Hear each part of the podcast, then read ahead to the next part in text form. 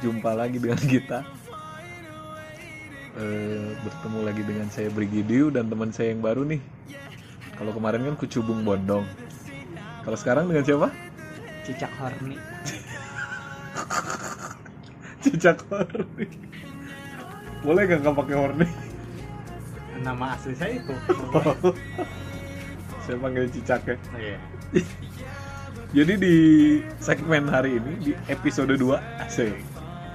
Kita bahas tentang apa sih efek psikologisnya karena pandemi ini lalu kehilangan pekerjaan. Jadi mungkin agak lebih serius kali ya bahasannya. Nggak tahu kita bawainnya gimana, kita lihat nanti. Oke, buat Cicak Horny eh, mungkin saya ambil background dulu kali ya backgroundnya kan sebenarnya bukan pekerja ya Siapa tuh? cicak horny pekerja atau bukan Dengar dari mana? saya kan udah kenal sama kamu Eh, pekerja, cuman nggak usaha. biar usaha Iya. mungkin bukan bukan bekerja di orang lain ya betul betul. gimana sih efek samping kamu nih ceritain dong dalam pandemik sekarang apa efek samping dari penghasilan dari psikologis kamu keuntungan kerugian Kalau dari sudut pandang saya pribadi dan mungkin mewakili beberapa wirausaha. sambil ngopi ya Oke. Mewakili beberapa wirausaha lain di luar sana ya. Penghasilan udah pasti menurun, tapi kalau saya pribadi jujur aja saya nggak merasakan adanya kerugian. kerugian Kerugian nggak ada sih kalau gua pribadi. Cuman sebatas yang nggak bisa berkembang lagi dan nggak ada penghasilan aja beberapa bulan ini gitu. Itu dari segi penghasilan ya, nah standar lah kalau gue pribadi sih lebih gue merasakan eh, kesedihan. Karena untuk beberapa teman-teman karyawan dan pegawai gue aja sih. Jadi Karyawan mereka terpaksa akan berhenti gitu. Oke sebelumnya gue mau bahas dulu tentang berita-berita yang ada di eh, media ya. Alright. Kita bacain di BBC News Indonesia virus corona efek psikologis setelah kehilangan pekerjaan selama pandemi COVID-19. Jutaan orang di seluruh dunia kehilangan pekerjaan karena pandemi COVID-19. Bagaimana menguasai emosi ketika ini terjadi pada Anda?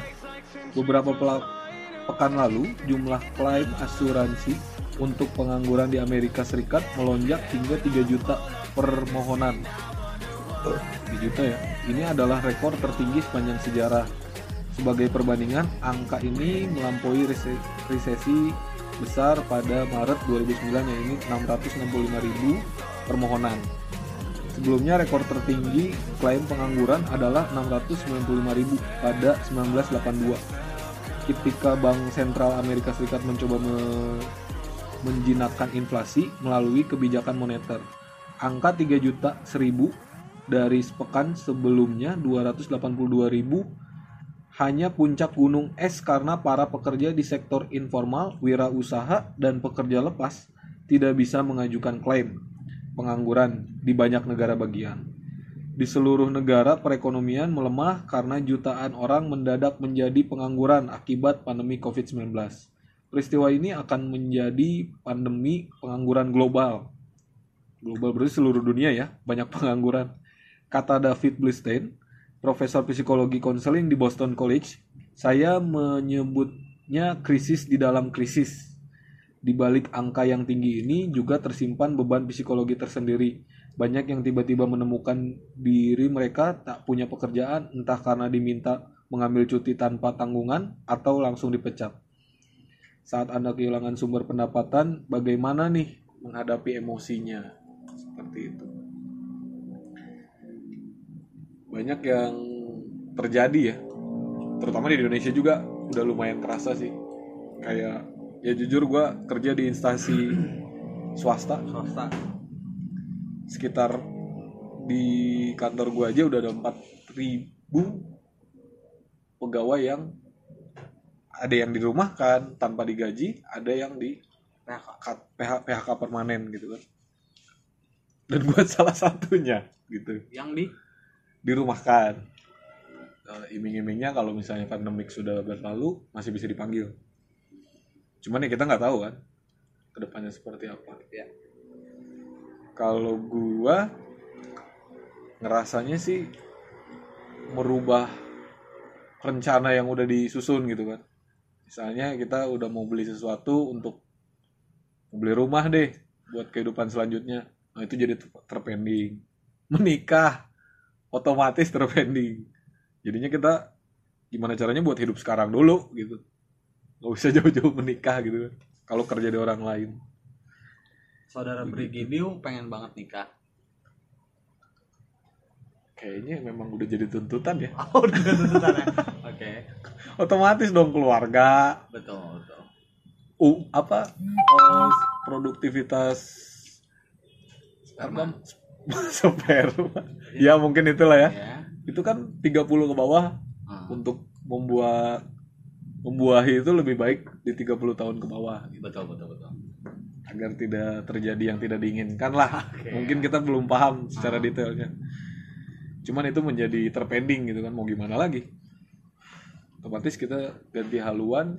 Cuman intinya jangan sampai apa ya terlalu pusing terlalu dibawa wah gua nggak bisa hidup lagi karena corona ini karena pekerjaan hilang itu menurut gua sih nggak usah kayak gitu juga. Gitu pasti ada jalan lah Tuh. di setiap oh, masalah yang ada gitu kan. Akhirnya ya mau nggak mau cari pekerjaan lain atau enggak kita cari usaha yang bisa kita kerjakan dulu minimal untuk makan gitu kan. Nah menurut lu gimana kalau pandangan lu sebagai pekerja? Susah sih ya gue jarang banget dulu di awal karir juga gue sebentar banget jadi pekerja swasta gitu bro. Cuman yang gue bisa bagi di sini dari sudut pandang wirausahawan hmm, sebenarnya yang namanya kita manusia ini kan udah hakikatnya makhluk sosial ya nggak kita diwajibkan dan dituntut gitu secara naluriah untuk berinteraksi sama orang lain. Hmm. sedangkan saat covid seperti ini kan sulit ya. Sulit. Apalagi psbb ini ya. Nah itulah. Nah, kita semakin ya kehilangan pekerjaan interaksi sosial kurang otomatis banyak orang yang mulai stres kan. Mulai stres jujur aja karena emang kenyataannya seperti itu kan yang sakit jadi sakit. Yang sakit tambah sakit yang kelaparan tambah kelaparan ya bingung juga gitu kan. Lu juga sempat banyak temuan ya di Facebook seperti itu. Apa namanya? Apa tuh? edisi COVID-19 saya jual sepatu betul betul. Aku kan jual baju. aktif di forum jual beli lah di banyak eh, platform ya. Hmm. paling banyak pisan melihat ya gitu yang postingan-postingan ya sampai rak rak piring dijualin. Rak piring? Bahkan oke. aing tadi lihat tadi? Tadi banget. Jadi kayak dia punya beberapa STNK gitu ter. STNK nggak ngerti sih aing pokoknya STNK tanpa motor. Dan ada ada yang komen banyak posisi mana posisi mana. Wadah jadi ada empat lembar STNK tanpa motor. Nggak tahu Oh. mereka pergunakan untuk apa sih aing nggak ngerti sih. Iya. Oh, gila cuy sampai Dijual. ada yang jadi eh, kemarin gua sempet juga malam-malam ada yang baru banget jam 11 malam tuh posting dia tuh ibu-ibu ya. Oh dia mau- posting butuh banget kerjaan hari ini apa pun juga. Gaji kecil nggak apa-apa saya kejar di mana pun juga asal masih Bandung katanya rumah saya di Ujung Berung Eh, mohon bantuannya buat beli beras untuk sahur katanya wah di situ sampai ratusan komen dalam 15 menit sih Hmm. tapi yang Aing lihat sih nggak ada yang mau ngasih pekerjaan maksudnya ya mereka juga mungkin susah ya Oh, iya. cuman banyak kan ya posisi ibu di mana saya punya sedikit rezeki nih Hmm. buat sahur nanti kayak gitu Jadi lebih ke udahlah gua kasih aja Iya, gitu ya. karena mungkin udah terlalu berat ya untuk beras untuk sahur aja nggak ada gitu jadi orang juga tergugah hatinya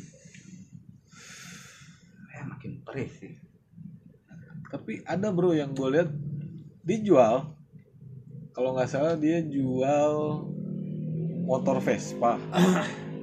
Vespa tuh kalau nggak salah ya lo tahu sendiri lah Vespa kan bisa naik bisa turun gitu kan.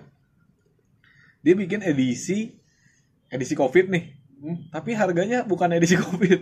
Menurut gua harganya itu edisi lebaran edisi lebaran yang di mana THR turun gitu kan. Banyak uang gitu. Dengan harga tinggi gitu. oke. Esensi covidnya di mana gitu. Ada nggak sih yang kayak gitu juga? Lu temuin nggak? Kalau gua ada jujur. Ya mungkin posisi mungkin ya. Posisinya dia emang lagi berputar cuman di samping itu dia bermain kata-kata. Untuk dia supaya manfaatin. Iya supaya duitnya gede juga. Iya waktu gue lihat komennya pun komennya nol gitu kan karena mungkin orang nggak respect. Ya. Di orang katanya kan. Orang lain covid jual murah dia jual tinggi. Tapi ya nggak apa-apa juga sih bro ya. Atau gimana nih? Nggak apa-apa lah itu kan dia sellernya. Ya hak dia. Oke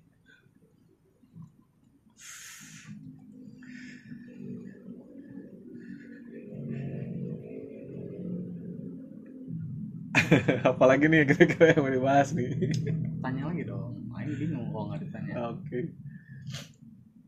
Tapi keseharian lu selama dua bulan ini kan kita awal bulan ini kan udah ada dua bulan nih. PSBB terjadi udah dua minggu.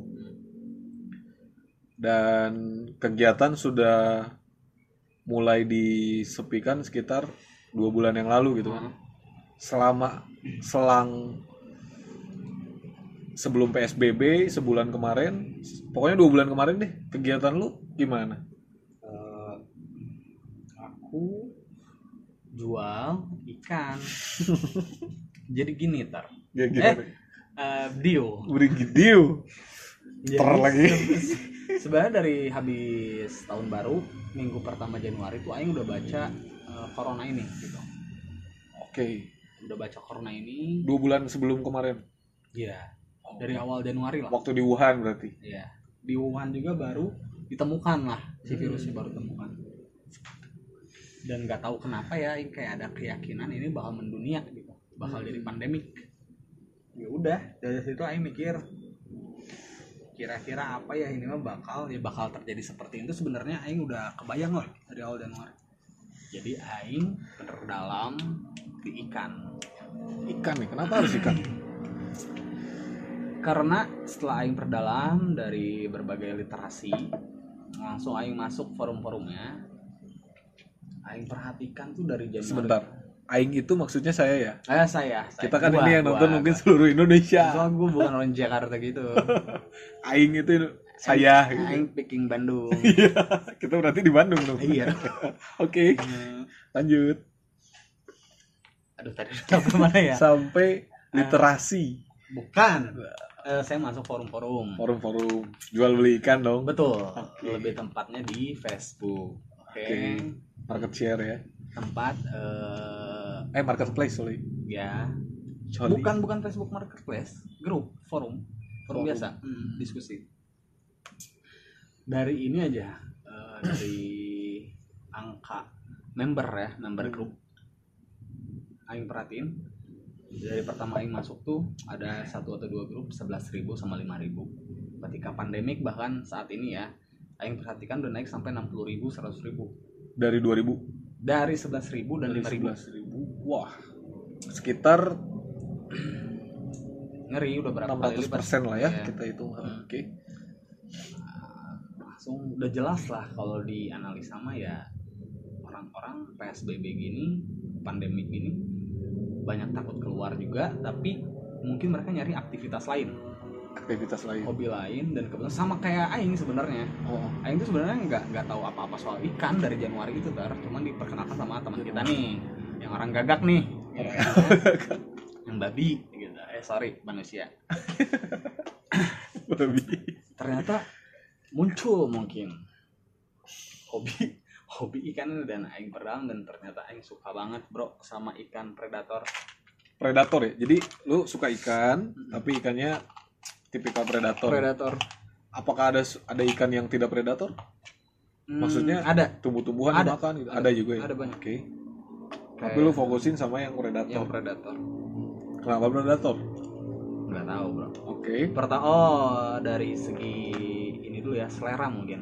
Hmm. Gue lebih suka yang ganas-ganas gitulah biasa lah hmm. ganas ya. Yang kedua ya seperti biasa harga. Harganya Harga. sangat gitu mantap. Punya punya nilai lebih lebih dibanding- banget gitu. Oke. Ya gue pikir ya budidaya ikan ini gue bukan budidaya jadi gue jadi ada kalau di dunia ikan tuh ter eh diu ada dua jenis bisnis. Oke. yang pertama kamu jadi petani atau peternak gitu kamu Hmm. mengawin-ngawinkan. Yang kedua kamu fokus di pembesaran aja. Nah aku tuh Pembesaran. tipe pembesaran. Oke. jadi aku beli yang udah anakan nggak ngawin-ngawinin gitu. Hmm. anakan aku besar besarin dikit jual banyak partai gitu. Ya kira-kira seperti itulah usaha saya untuk bertahan di pandemi ini. Bisa untuk hidup? Sangat bisa. Sangat bisa? Sangat bisa. Oke Gua baru, baru baru sebulan baru sebulan berjalan saya udah bisa beli rak besi tiga. Rak besi harga? Satunya sejuta dua ratus. Oh eh tiga. Besi hollow. Tiga juta enam ratus dong ya cuman ya sebenarnya. besi rak besi besar sih itu. Hmm. ya lumayan lah kan? Daripada kelaparan lah. Oke oke. Aku mau sharing nih eh, sedikit di sini.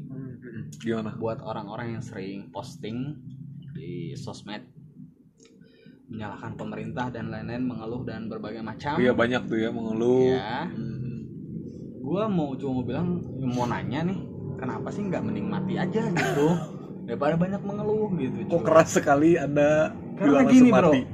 aduh. Tetangga gua eh gua be- tinggal di kawasan konveksi ya kan? Oke di konveksi besar di kota Bandung lah. Dan gua tinggal di kawasan itu tetangga tetangga gua juga profesinya sama semua gitu. Hmm.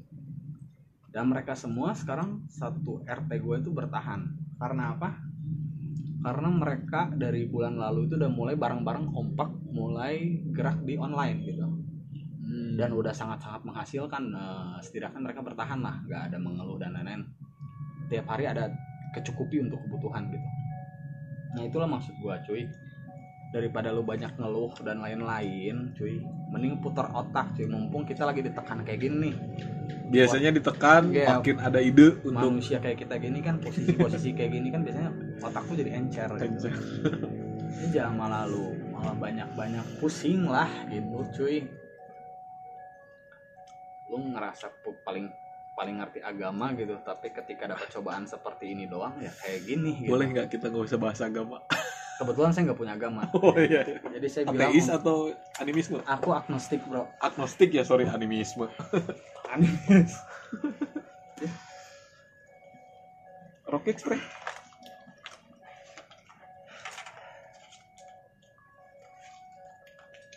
nggak usah banyak mengeluh. Ada yang bisa kita jual atau kita kerjakan lakukanlah gitu ya. Hmm. dan kalau bisa kalaupun misalnya mentok nih bro kalau buat gua ngasih kalau boleh ngasih masukan. Oke. Ada barang di rumah yang harus kalian jual demi bertahan. Mending daripada hasilnya kalian pakai untuk bertahan kalian putar otak gimana caranya barang yang kalian jual itu bisa diputar lagi. untuk diputar lagi bro. Maksudnya untuk di untuk dikembangkan Diolah, lagi gitu untuk diolah menjadi lagi. Karena kalau sekedar jual barang jual barang habis jual barang habis ya lama-lama habis bro. Dan lu pada akhirnya akan tetap kelaparan dan barang lu habis. Iya. mending lu jual setengah rumah lu tapi jadi sesuatu yang bisa berkembang gitu. Maksud gua itu aja sih di sini cuy. Pengalaman pribadi sedikit dari manusia abal-abal. Mantap mantap gue setuju sih. Kenapa kita nggak berusaha lain gitu ya Iya. cuman kan kadang ada yang berproses ya menurut gua itu kan proses juga Hmm. ada orang yang bisa langsung berubah ada yang cepat bertindak ada juga yang dia harus bener-bener gak makan dulu bro dibantu ketika dibantu dia udah tenang kali ya baru di situ dia bekerja gitu kan Hmm. dan yang gue lihat di sini kulturnya masih banyak yang mengeluh. Apakah ke depannya akan ada yang lebih maksudnya prosesnya dia akan mulai jadi lebih baik? Atau menurut lo akan makin parah nih? Netizen netizen kita ini. Tergantung manusianya si Dio. Jadi jangan pernah ngerasa hidup lu paling inilah paling berat paling ngeri paling berbeban berat gitu bro. Ntar ujung-ujungnya mental lu jadi mental bobrok mental bawah. Lu harus selalu pede dan optimis bro jadi manusia cuy. Nggak apa-apa kita malu atau gimana lah nggak usah malu kita jual motor saat ini gitu. Tapi duitnya itu ada tujuan gitu. Banyak pedoman MLM apalagi di masa covid kayak gini lu banyak gengsi cuy banyak ngeluh banyak gengsi aduh.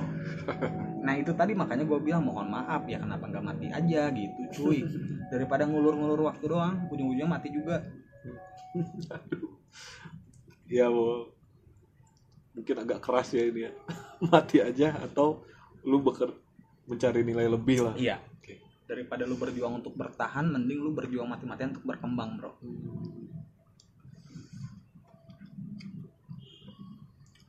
ke depannya nih kira-kira kapan nih beres masalah ini ya bro? Kalau kata lu. Kalau gue sih gue perihin aja bro setahun. Perihin aja. Kalau gue itu juga saran ter eh diu gitu. lu jangan nunggu-nunggu covid ini kapan selesai mending lu mulai dari detik ini juga lu udah mikir gitu. Yang terburuknya sekalian ya. Terburuknya sekalian. Karena nanti kita udah bisa ah ya udah gue udah mikir yang terburuknya ke depannya ya mau gimana pun gue udah udah Hmm. mikir yang terburuknya gitu. iya. Udah berani lah. Iya. Mungkin tingkat eh, resiko yang kita ambil juga jadi lebih berani lebih yakin gitu kan. betul. Toh gue aja udah terpuruk gitu kan. Iya betul. Karena kita kita ini kan manusia-manusia bawah ini udah, udah terbiasa kelaparan gitu bro. Iya. Ngapain harus takut kelaparan bro? Pokoknya asam lambung gitu. Asam lambung udah biasa. Udah biasa. Apa tuh obat mah teh Aing- Roma. Ada satu ter Milanta. Enggak ada. Di Apa aing satu? Aduh lupa. Sebutin aja bro. Siapa tahu nanti dia mau ngiklanin ke kita. lupa eh ada satu. Cair tablet. Tablet. Tablet ya? Yang segini nih tempatnya ter oh yang jadi kayak tuh. gini modelnya nih. Tah, digituin. Dua tablet kalau kelaparan kan asam lambung naik bro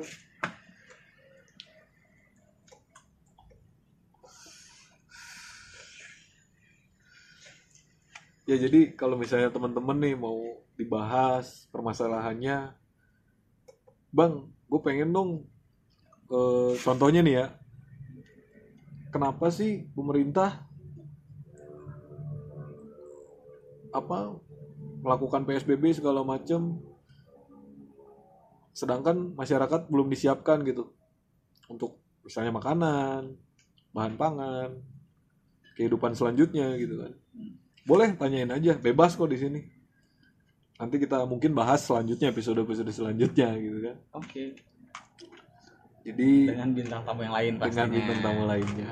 Ya pokoknya kalau yang datang itu ya itu gitu kan. Kalau nggak datang yang lain datang ke mana nih? cari yang lain. Ke room Kircon. kita. Eh tolong jangan dibahas nanti rumah saya digerebek. Kita ngobrol di rel kereta Kircon tahu nggak bro? Jadi kalau ada kereta ya mohon maaf berhenti dulu. Kita lagi bikin podcast. Kira-kira ada lagi bro yang mau dibahas? Nah, tergantung host lah gimana sih bingung saya di sini.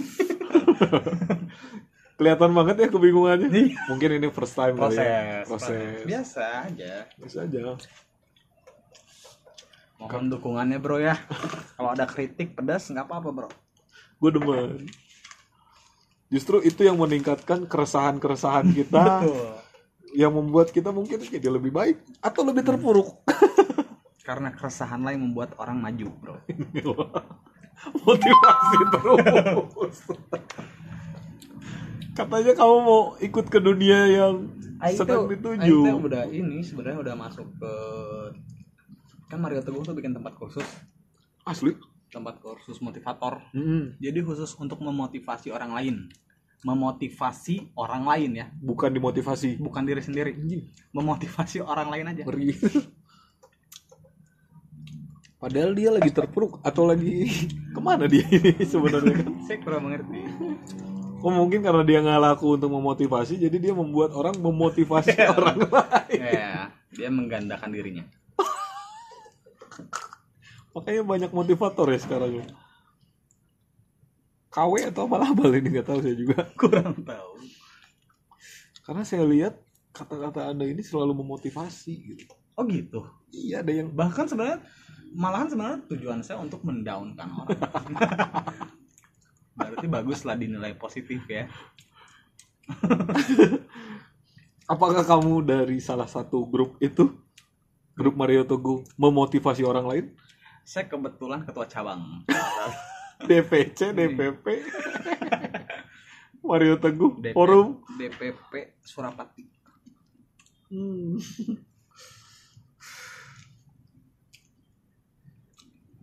Tapi sekarang udah aman ya, Eh, maksudnya ikan-ikan udah mulai menikmati. Lumayan. Tapi tetap ada resiko lah udah risiko ya. karena ikan mati udah sakit kepala Kebetulan ada yang kamu pelihara dimakan ya, Kebet ya jadi harganya juga lumayan gitu.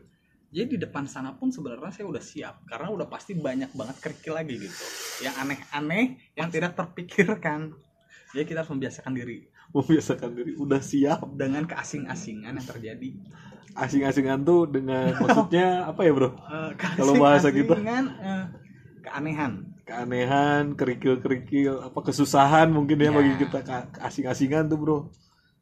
Kalau di bahasa Batak tuh aneh-aneh, asing-asing. aneh-aneh. Masalah-masalah yang benar-benar nggak pernah kita perhitungkan lah. Karena Nah, ikan mati karena sakit kan wajar. Aja nah saya baru ngalamin ikan mati sama ikan yang lain. Kan bingung. Dimakan, ya udah diterima aja walaupun Diterima. hatinya pedih pengen kamu makan itu ikan Ya. yang udah makan ikan lainnya.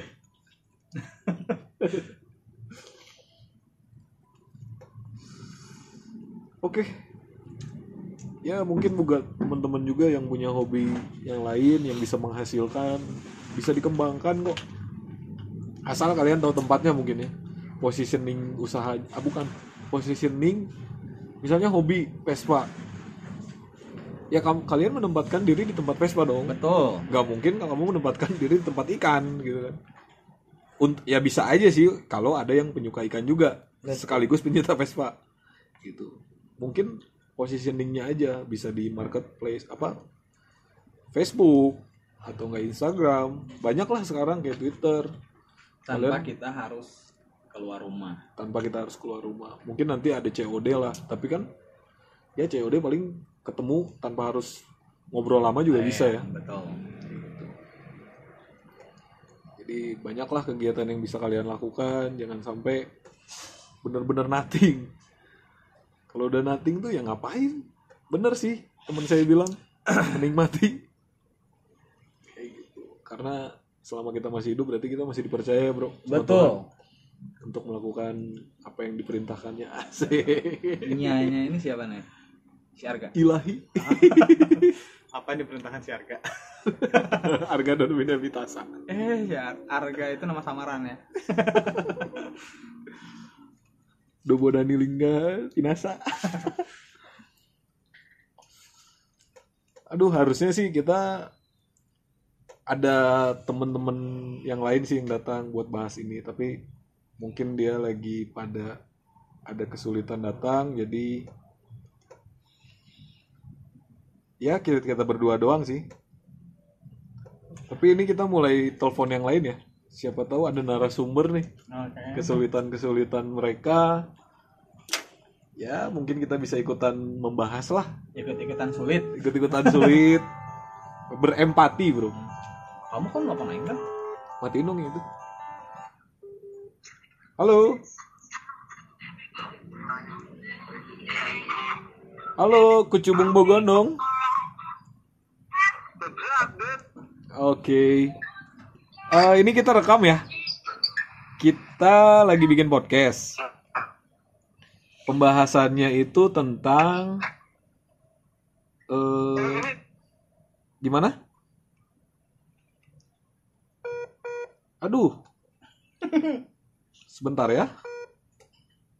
Boleh kamu yang telepon aja? Ini pakai wifi ini. Iya, sinyal saya putus-putus. Sama. Oh, sama. Saya ngirim video juga lama. Bentar ya. Ya mungkin kalau kita telepon seseorang dia bisa sharing tentang kegiatan dia, apa yang dia pilih di saat pandemik seperti ini gitu kan. Halo, jelas suara?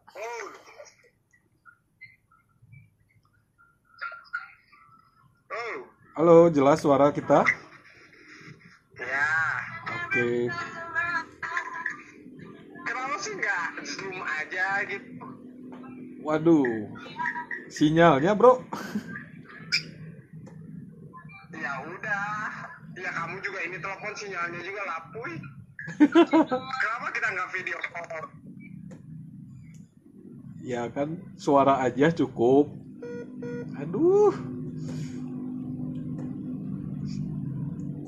Ya mungkin gitu dulu lah ya. Nggak efektif juga nih nelfon. Betul, betul, betul.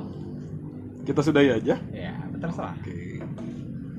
Karena keadaan yang semakin sulit, kita mungkin udahin aja. Tapi ya mungkin teman-teman ada yang tercerahkan, ada yang semakin gelap gitu ya dengan obrolan kita ini. Tapi ya nggak apa-apa. Kita just sharing aja. Siapa tahu ada teman-teman yang mau dibahas nanti bisa komen dah di podcast kita selanjutnya kita bahas. Oke, sekian dari saya Brigidiu dan Saya Cicak Horny. Oke, terima kasih. Say goodbye.